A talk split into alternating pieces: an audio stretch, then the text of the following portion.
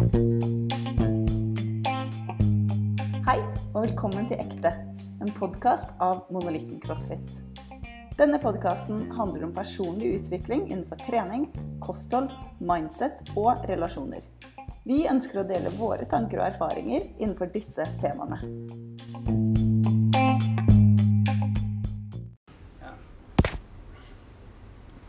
Hei og velkommen tilbake til Ekte. Dette er vår andre episode, og vi er ganske gira her i dag fordi vi har fått besøk i studio. Og hvem er det som vi har som gjester, Daniel? Eh, I dag har vi med oss eh, Magnus og Ingrid fra CrossFit Uvær i Tromsø, som vi har vært så heldige å få på besøk eh, innom her hos oss. I dag så skal vi snakke litt om hvorfor man bør velge et gym som koster litt mer. Man finner jo tilbud til alle mulige priser der ute, og man blir jo frista til å ta det billigste. Men får man det samme på ulike steder, og, eller betaler man faktisk for det som man eh, får? Vi skal nå dykke litt dypere inn i dette i løpet av dagens episode. Eh, Så Magnus, er egentlig treningsbransjen satt opp for suksess for medlemmene? Det korte svaret der er jo nei, mener jeg. Eh, veldig mange forskjellige grunner til det, men hovedsakelig så mener jeg at eh, skal man eh, få framgang på trening og med kosthold, så trenger man personlig oppfølging. Eh, de fleste treningssentre hvor man kun kommer inn og betaler for tilgang på treningsapparat, kanskje til og med også betaler for å få eh, treningsopplegg, så er det veldig mye Altså det er stor sjanse for at man ikke klarer å opprettholde den aktiviteten over tid, fordi at eh, man har ingen som holder en ansvarlig. Man har ingen som spør hvordan det har gått, som hjelper deg med å justere om det er kosthold eller trening. eh, Når ting begynner å stagnere, eller når motivasjonen din ikke er så stor som når du starta. Veldig mange begynner kanskje på et treningssenter. De har veldig stor motivasjon, kanskje på nyåret eller rett etter sommerferien. Um, og så klarer man å opprettholde det i en måneds tid.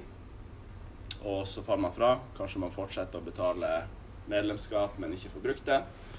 Sånn at eh, hvis man trener på en plass som tar litt mer betalt fordi at de følger opp folk tettere, så eh, vil det være mye vanskeligere å dette fra. Fordi at eh, de som skal følge det opp, fanger det opp.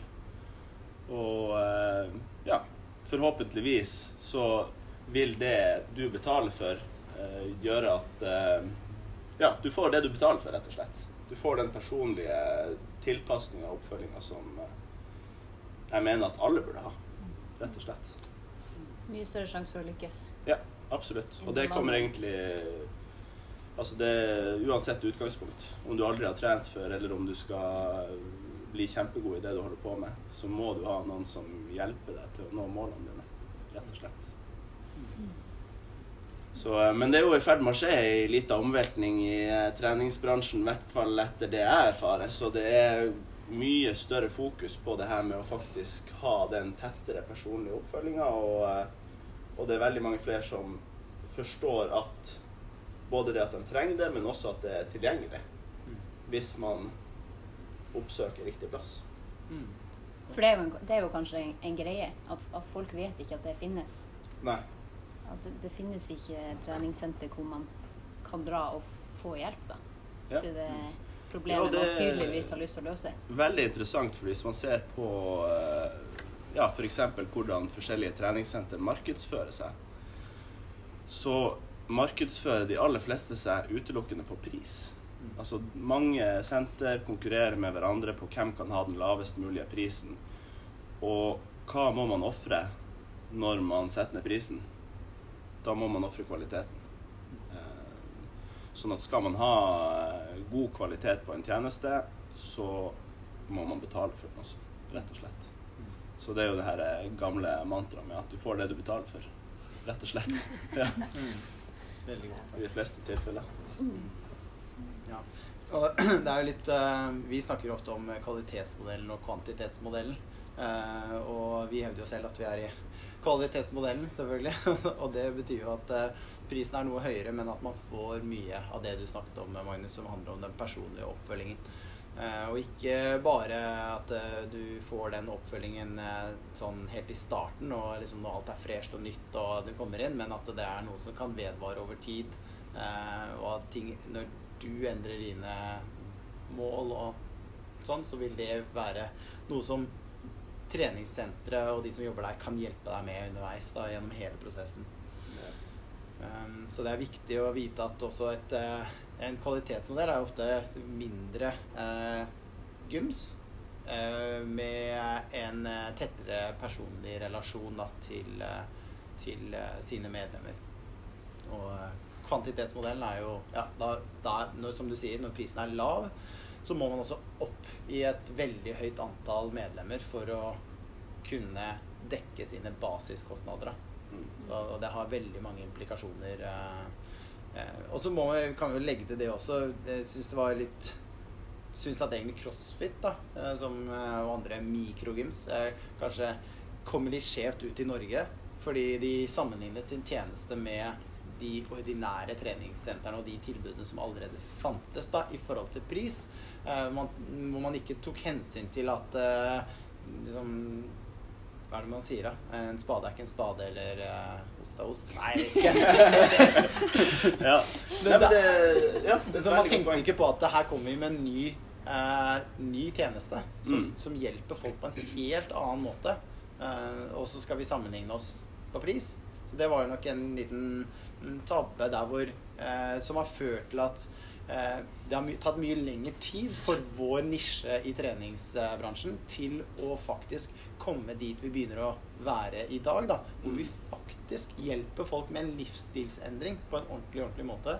Um, fordi at prisen må være noe høyere for å skaffe liksom, kvalitet i den én-til-én-relasjonen. Fordi det krever tid. Hvis, eh, eh, hvis eh, Ingrid skal dele sin kompetanse og tid eh, med meg, eh, så bare med meg eksklusivt som medlem, så er det klart at, eh, at det koster mye mer. Men Mm. da får jeg også eh, personlig oppfølging akkurat til meg. Ja. Jeg er helt enig. og det, det som kanskje, som jeg tror i hvert fall har skjedd nå i begynnelsen, de her første ti årene nå hvor det har vært CrossFit-senter i Norge, at eh, man har ikke hatt noe å sammenligne med. Altså Jeg vet bare hvordan det var når vi starta. Da sammenligna vi oss med andre senter som var i Tromsø, og tok utgangspunkt i det. Eh, Istedenfor å se på den tjenesten som vi hadde lyst til å levere, og regne prisen vår ut ifra det. Sånn at det, vi gjorde en kjempetabbe når vi åpna. Det var at vi ja, vi regna ikke på hva vi burde ta betalt. Og dermed så, så tok vi en altfor lav pris i begynnelsen. Eh, Og da måtte vi ha flere medlemmer for at ting skulle gå rundt. Eh, Og det tror jeg det er, det er veldig mange CrossFit-senter rundt omkring i Norge som har gjort akkurat det samme. Man kanskje ikke vet helt hva man holder på med i begynnelsen. Eh, Man har store tanker om hva man har lyst til å hjelpe folk med.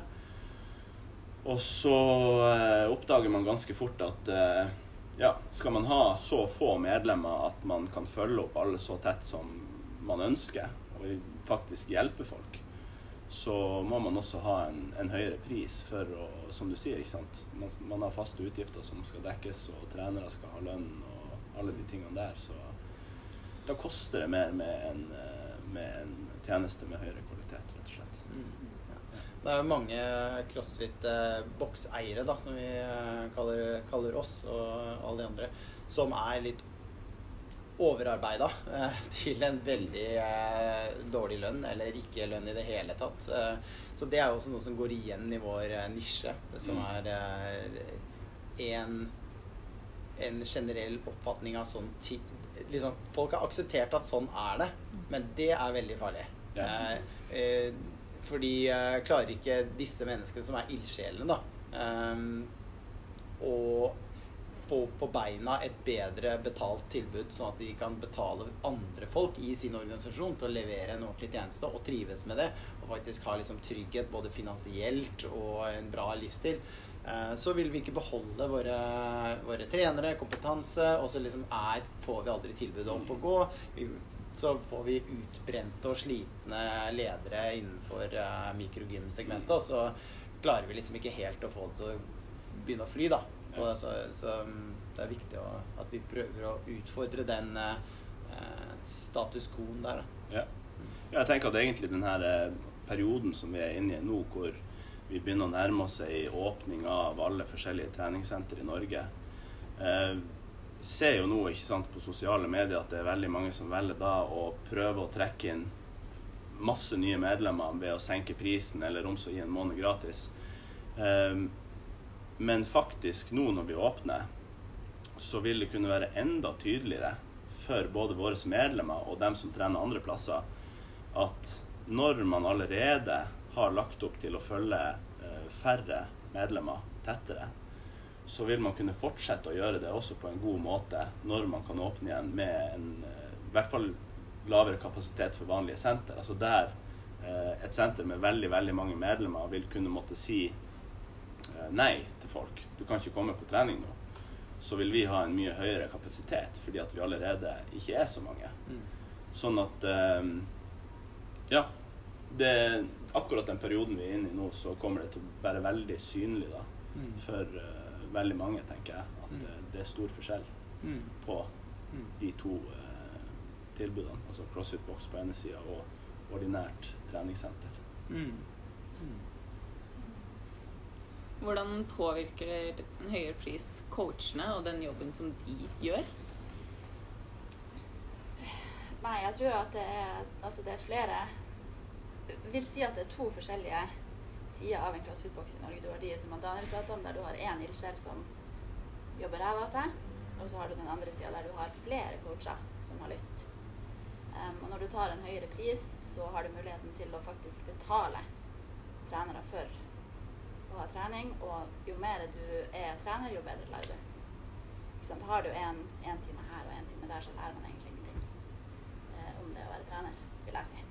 Det er litt sånn profesjonalisering egentlig av det å være en coach. For det er så Der har vi mye å gå på, da. Eh, I samfunnet som helhet, vil jeg si. At eh, ja. Eh, vi har en ulik rolle fra det å være en lege, eh, i form av at vi er på eh, forebyggingssida istedenfor at vi skal behandle skaden som, som er skjedd. Um, nå sier jeg ikke at vi ikke trenger leger, det gjør vi. Eh, men eh, ja, det handler om det, da. Å kunne tilby også eh, en, en person, et bra menneske som er liksom ute etter å gjøre en forskjell i verden og hjelpe folk. Eh, tilby dem en arbeidsplass hvor de får muligheten til det da, og kan leve av det. Um, ja, det tror jeg er viktig. Absolutt. Og jeg tror også en altså, sånn profesjonalisering som dere snakker om, hvor man faktisk har jobb til de her trenerne, sånn at de, ja, de blir en profesjonell trener fordi de kan. De har muligheten til å jobbe 100 med det. Det vil også kunne bidra til en profesjonalisering av hele bransjen. Og, og da vil man også kunne bli sett på på en helt annen måte eh, av samfunnet ellers. Altså nå har vi, vi har helsevesenet, som er egentlig de som behandler sykdom. Leger og sykepleiere. De gjør en fantastisk jobb, spesielt nå de siste, denne siste perioden. Men det finnes ikke noe godt system i samfunnet egentlig for å forebygge alle de her sykdommene. Sånn at hele samfunnet er tjent med at det er flere som kan jobbe med trening, og at det er flere som kan jobbe profesjonelt med trening. Sånn at de kan hjelpe flere folk til å unngå sykdom ja, kronisk sykdom. Ja, jeg tror også at, eh, at i det siste så har det så er det veldig mange treningssenter som har si, ansatt, ansatt trenere som syns det er kult å være trener på Instagram, og som ikke gjør det for de rette grunnene. Og det tror jeg er viktig, altså viktig å prøve å snu litt på den flisa. At man får frem at man faktisk ønsker å hjelpe folk, og ikke gjør det fordi at man skal få flest likes på Instagram, vil jeg si. Så hva er det man da bør se etter i et nytt gym? Benedicte? Eh, først og fremst vil jeg jo si Det kommer litt an på hva slags mål du har. Men uansett eh, så mener jo vi at eh, det gymmet du velger, bør bry seg om hvorfor du kommer dit i utgangspunktet. Hva er det du vil oppnå, hva er målene dine? Eh, det bør være en ganske tydelig eh, ja, inngang til det å starte der, da. Eh, som f.eks. at du får satt deg ned sammen med dem som er ansvarlig på, på det gymmet, og får snakka om deg sjøl. Og, og du får spurt om det du lurer på. Det er viktig at du får sagt noe om, om historien din, treningshistorikk, om det er noen skader, om det er noe eh, sykdom, andre ting man bør ta hensyn til. Eh, for det vil jo bidra til at eh, det gymmet kan hjelpe deg på best mulig måte ut fra dine forutsetninger, og ikke ut fra noen andre sine forutsetninger. Og så tror jeg det kan være lurt å se litt på hva slags verdier og hva slags mission det gymmet har. Eh, vet de hvorfor de har starta et gym? Hvorfor er de der? Um, og så kan du jo tenke litt gjennom Står det Speiler det litt det jeg også står for? Føler jeg at yes, det her er folk som jeg liksom tror jeg kan utvikle en relasjon med og, og, og stole på.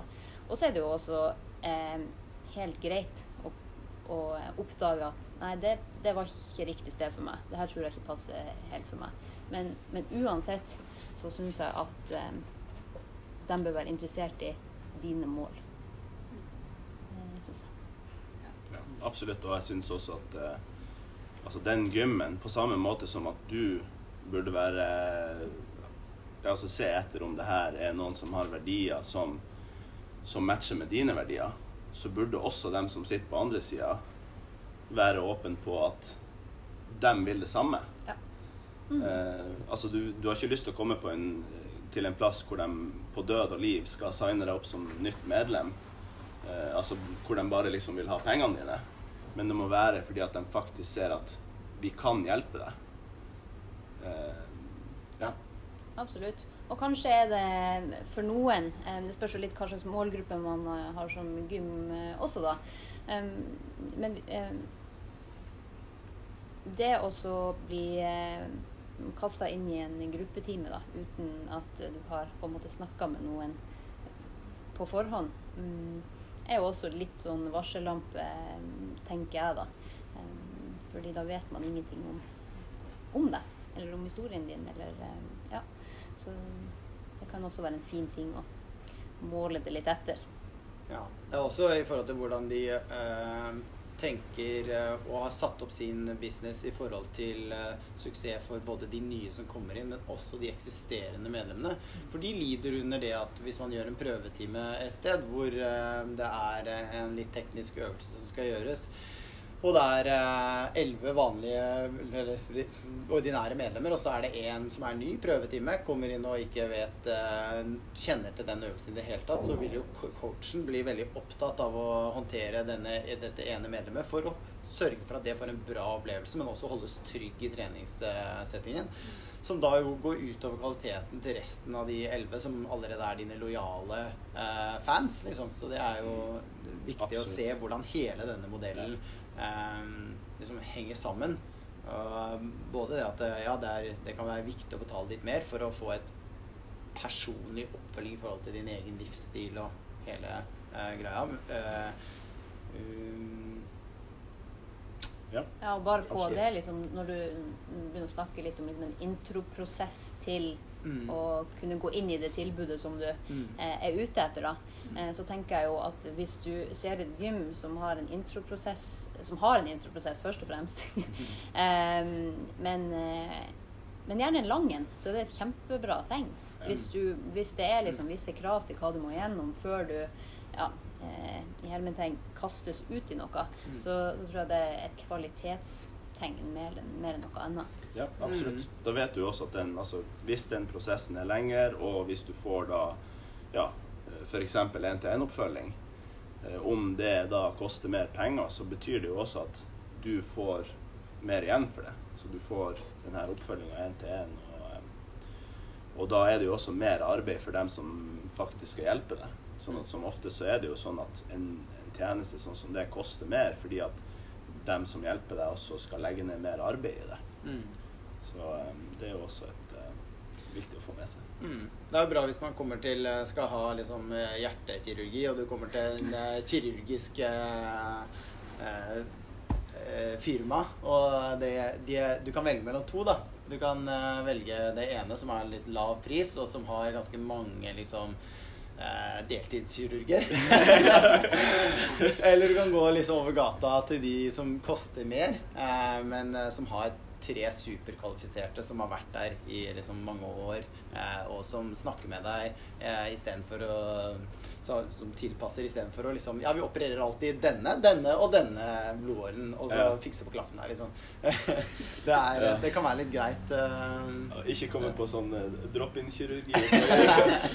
Men eh, Det er jo et annet nivå, men det handler jo om liksom noen som skal ta vare på helsa di. Ja, absolutt. Det handler om helse. Så.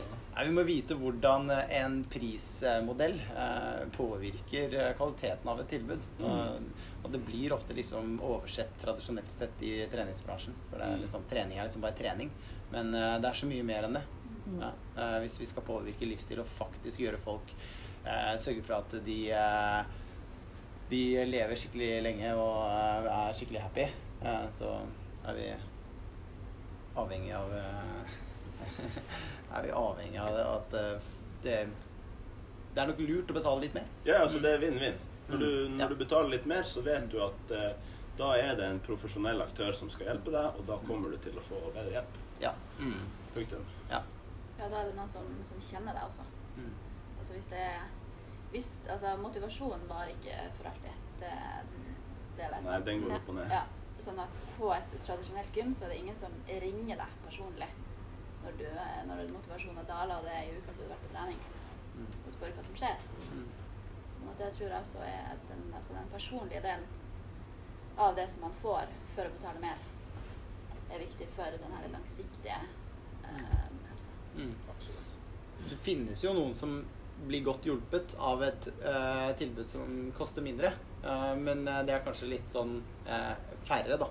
Ja. Um, så, så hvis man um, hvis man går til legen og jeg tar en til, jeg. Legemetafor.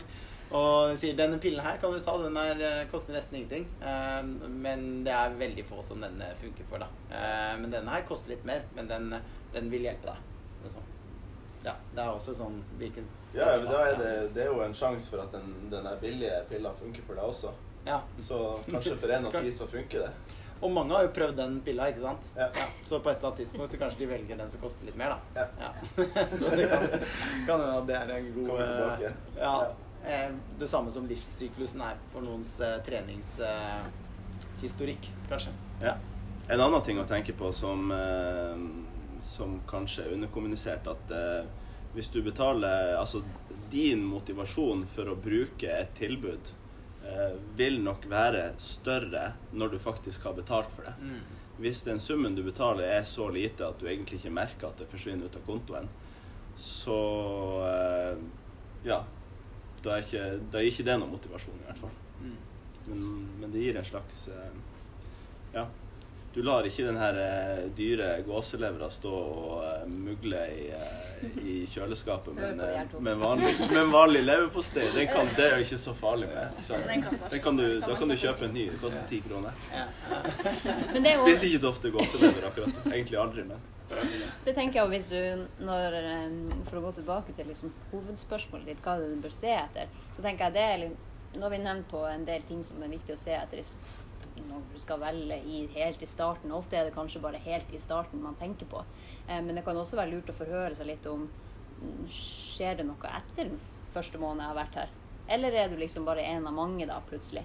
Eh, for det, det tenker jeg er vel så viktig. Du, for alle som trener her, så det er ikke den samme personen eh, som starta, som er her om tre måneder. De har endra seg på en eller annen måte. Om det er liksom det som foregår i topplokket, eller om det er rent fysisk. Eh, så det er viktig at man eh, har noen, en, en form for målsamtale. Da. At vi vet hvordan er det utviklinga er. For det som vi anbefalte for tre måneder siden, ikke sikkert det er det riktige lenger. Fordi du er kommet mye lenger i utviklingstrappa. Da. Så det er fint å ha, eller viktig å ha sånne check-in points. Mm. absolutt.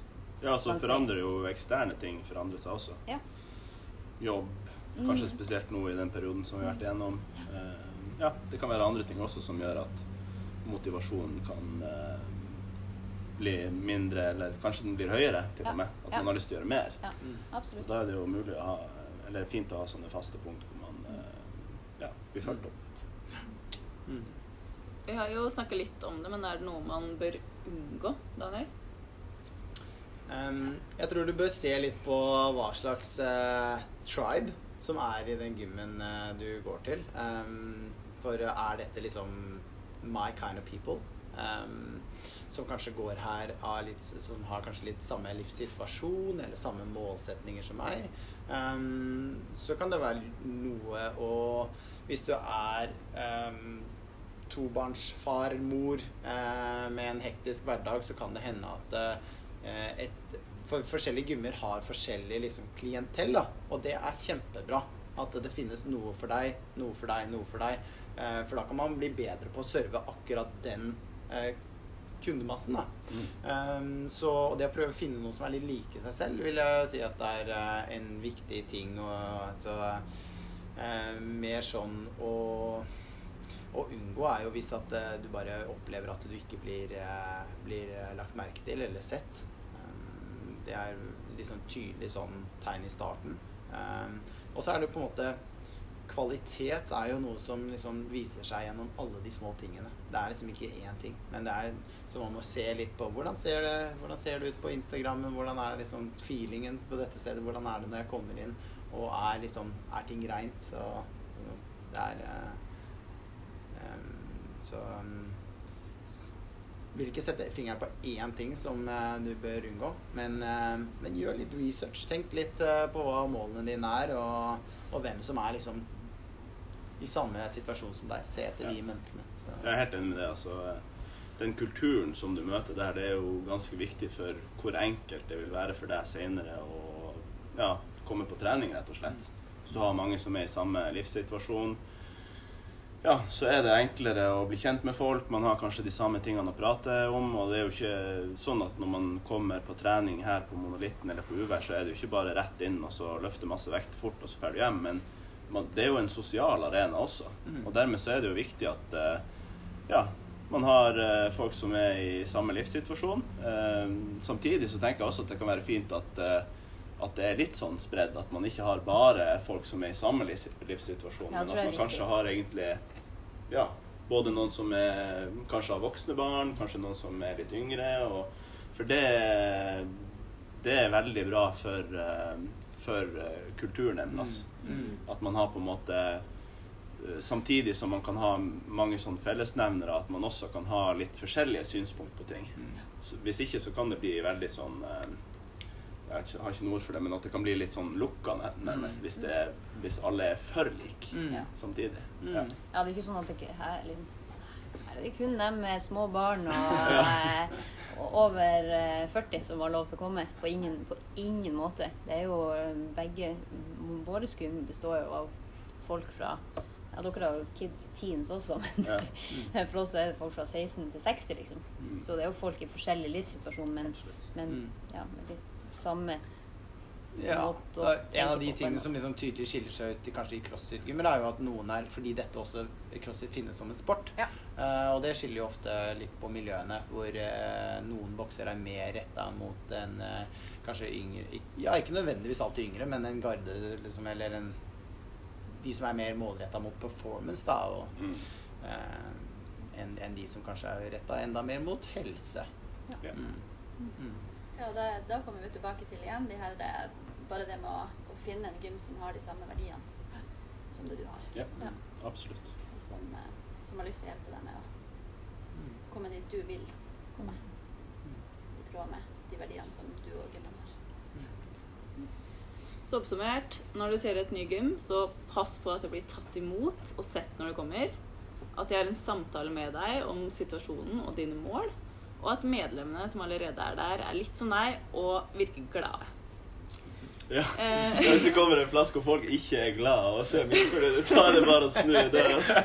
Uansett hvor du kommer, tenker jeg. Og nå glemmer jeg at vi har sånn lyd og sånn, for nå dasker jeg bare i bordet. Men eh, det, altså jeg tenker jo at den første dagen, eller første, fra, fra, første dag, så bør du høre navnet ditt hver eneste gang du er på det i gymmet. Det er alltid noen som sier navnet ditt eller hilser på deg med navn. Eller som, altså, de bør kjenne deg. Ja. ja. Mm. Absolutt. Du vet hvem du er. Ja. Spør hvordan helga det var, og hvordan det gikk å sove i hengekøye. Liksom. Ja. Det var veldig spesifikt. Ja, ja, det, det. Kvalitetstegn. Ja, Ingrid. Ja, det er bra. Det var det vi skulle gjøre gjennom i dag, men til slutt så har vi fem spørsmål som vi stiller til alle gjestene som vi har hatt. Starter i dag. Eh, så nummer én Flosser du før eller etter du pusser tenna? Etter. Ja, det, altså det, vi, vi snakka så vidt om det her i stad òg, men det, man, man bruker tanntråd før man pusser tenner. Det er ingen tvil i det hele tatt. Og bruke det etterpå, det blir som å støvsuge etter at du har vaska stua med grønnsåpe. Det er for meg ingen logikk i å gjøre det i det hele tatt. Jeg reagerte liksom på Jeg, jeg er helt enig med deg, da. Jo, det er det, ja. Ja, ja, ja. Ja, takk. Ja, ja, Jeg er enig med deg, Ingrid. Ja. Ok, det er guttene og det. Ja, jeg tenker at du må liksom komme til med tannkosten etterpå. Eh, Så du må få vekk de andre sånn at liksom Ja, det er Ja, du, det blir jo det samme som å, om, som å vaske, vaske liksom det, de store overflaten først, og så finpusser du etterpå. Når du Mhm. flosser etter at du har pusset. Mm. Ja, hvis du har da en sånn svær kjøttbit som sitter fast bak i Ja, den tar der, du. Den tar OK. du. Ah. Så du flosser på det før og store, ja, hvis, du du sier? kjenner, nei, hvis du kjenner at du har noen digre ting du som trenger å bli håndtert. Du kan ta eh, sånn. tannpirker først, så pusse tenna, så flosse. Se der. Ok. Se der. Ja, men hvorfor ikke ta tanntråden med en gang, da? Fordi du må jo ta den etterpå. Nei, må ikke det. Jo! Men altså, nå vi, nå er Mener du vi at logisk tannkosten driver og dytter inn tilbake, akkurat som, som støv ville dytta liksom tilbake inn mellom møblene eh, etter å ha? Er det liksom tannkosten gjør det? Dytter mat tilbake mellom tenna? Nei, du tar de store overflatene først med tann, tannbørsten, og så tar du finpussen. Men, da- men da kommer jo ikke tannkosen tannkosten kanskje akkurat der hvor det der litt store er, da. Da kommer du ikke helt kommer Men bruker dere å vaske Jo, du får den inn. Du får tannkosten litt inn i de plassene òg. Hvis det er en diger ting, så tar du bare tannkosten litt sånn. Ja, men hvis du har fjerna med Jeg tror ikke- vi blir enige. Nei, jeg tror, jeg, jeg tror ikke heller det. Vi gjør det neste. før og etter Men eh, vi, vi vet hva som er best, i hvert fall. Ok, Spørsmål to. Hva vil dere se mer av i verden? Ingrid? Hva du mener da? Sånn, sånn fred og sånn, eller er det sånn mer spesifikt? Fred og Litt- kjærlighet. og- Litt mer spesifikt. Hva jeg vil se mer av i verden? Mm. Vet ikke. Eh, treningssenter med god oppfølging. Veldig korrekt svar. Ja. Ja, det tror jeg faktisk. Mer pro profesjonalisering av, Profesjonalisering av av, treningsbransjen, av det det, hadde som vært jeg, veldig kult å det som jeg jobber med. Mm. For der er det veldig mange som er eksperter uten å egentlig ha peiling på hva de driver med. Mm. Ja. Må jeg svare nå? Ja, Hvis du ikke er bare enig. Jeg, jo, jeg er jo for så vidt enig, men jeg har, også, jeg har lyst til å se mer eh, glade mennesker. Rett og slett. Mer, eh, flere folk som er fornøyd med livene sine, og som har det bra med seg sjøl og det de gjør. Og det tror jeg at vi også kan bidra til på en positiv måte. Mm. Ja. For det, er noe, altså, det gjør noe med det når du treffer noen som, er, som har det bra med seg sjøl. Da Altså, Mm. Smitte. det smitter over. Ja. Ja. Mm. Så um, Og jeg tror at det er veldig mange som, som kan ha det mye bedre enn hva de har det. Mm. Ja, hvis de får det riktig. Mm. Ja. Hva jeg ville sett mer i av i verden, er bedre betalte trenere. Ja. Fordi det hadde bidratt litt til begge deler. Ja, da Eh, de trenerne ja. hadde vært glade, Ja, og så hadde de hjulpet folk som hadde Ja, vært så er det bedre oppfølging, og så hadde de blitt mer glad. Det er viktig. Ja, Mm. absolutt. Yes. Har dere anbefaling til en bok eller en podkast? Eh, ja, jeg leste en bok i fjor som var veldig bra. 'Tusen strålende soler' heter den. Har du ikke lest den? Jeg har hørt om. Den, er- den anbefales. Mm. Veldig, veldig fint. Den er skrevet i Afghanistan. Eller Ja, om, om, om to kvinner da, som lever i Mm. Afghanistan, og hvordan, hvordan det er å leve litt sånn Ikke sånn som vi er vant til. Mm. Så den anbefales. Mm. Veldig bra bok. Ja, jeg har ei bok som ikke Det er ikke skjønnlitteratur, men det er en bok som heter 'How to win friends and influence people'. Har dere lest den? Ja. Den er helt fantastisk. Altså life-changing. eh, Det er curriculum, er det. Ja, Mm. det er det faktisk hos oss også. Det er en helt fantastisk bok. Den uh, Tittelen kan jo høres litt sånn kynisk ut, egentlig. Men eh, ja, innholdet i den boka er veldig bra så lenge man eh, lager seg en tankeprosess rundt det som man leser, og ja, prøve å implementere noen av de tingene i, i det man sjøl gjør. Så er den helt fantastisk. Ja, den handler jo mye om det som vi har snakket om her i dag også. Bare det Mm. med å Ja. ja, lytte til folk, være genuint. Ja. Ja. Mm. Kunne navnene deres. Kunne navnene deres. Ja. Hva vet dere nå som dere ønsker at dere visste da dere, åpna CrossFit UiR? At vi må ta mer betalt. Var det ikke det du sa jeg skulle Jo, det var det. Nei da, så vi eh, Når vi åpna Uvær så hadde vi jo en, en tanke om at vi hadde lyst å gi folk den aller beste oppfølginga og eh, ja, virkelig hjelpe folk. Men problemet var bare at vi visste ikke hvordan vi skulle gjøre det. Så vi tenkte at ja, vi åpner opp, og så hiver vi folk rett inn i timene og kjører noen nybegynnerkurs her og der, og, og på den måten så skal vi kunne hjelpe folk. Men det er ikke mulig. Så eh, ja, vi har jo starta på en litt ny prosess hvor folk får en mye bedre oppfølging i starten. altså hvor vi, Sånn som vi snakker om i dag. Man, det første som møter folk, er at man har sett seg ned og har en samtale med dem. Og så tilpasser vi eh, treninga eller den kostholds, eh, kosthold eller livsstilsforandringa som de trenger, til det målet som de har, og det utgangspunktet som de har. Fordi at man kan ikke putte alle sammen inn i samme former og forvente å få det samme resultatet. Eh, man trenger personlig tilpassing, og da ja, da må man ha eh, tettere oppfølging, og man må ta mer betalt for det. Ja. Hva er det dere brenner for for øyeblikket? Oi, det var Dype, det, det, Ja, ditt det- spørsmål, Daniel. Nei, altså, jeg er veldig eh, Jeg brenner for ei profesjonalisering av, av eh, trenerrollen og treningsbransjen generelt. Og er veldig opptatt av at det som vi gjør, skal kunne bidra til eh, ei forandring, ikke bare hos oss, men også hos andre aktører. Eh, fordi at ja, som vi har snakka om i dag, så vil det kunne føre til så mange positive ting. Både for dem som jobber i bransjen, men også dem som, som kommer inn som kunder.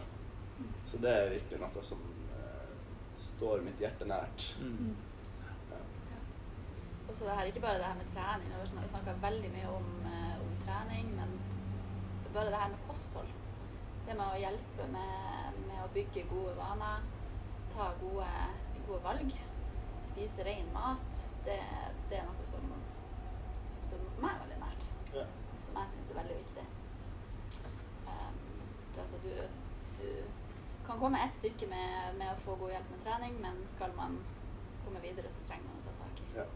det som er grunnstein. Sånn, du kan bygge et uh, Det er vanskelig å bygge et, uh, et fint hus som varer lenge hvis du ikke har grunnmuren. ja. Bygge det i mura Nei, i, I i my- myra. I myra. I myra. Uten noe Du må ha et fundament, ja. Ja, da begynner det å leke litt sånn Ja. så- Her begynner å bli litt skjevt. Ja. ja. Så kost og Det er. Det var egentlig det vi hadde for i dag. Tusen takk for at dere kom og ble med her. Og dere er hjertelig velkomne neste gang dere er i strøket. Tusen takk for at vi fikk komme. Det var veldig, veldig hyggelig. Tida fløy. fløy. Vi hadde ambisjon om 20 minutter. Det gikk. Det tror jeg ikke gikk. Nei. Hvor lang tid har du brukt? 38 minutter. Ja, det var ikke så ille. Passer det vel? Ja. Ja. Yes. Takk for i dag. Takk for i dag.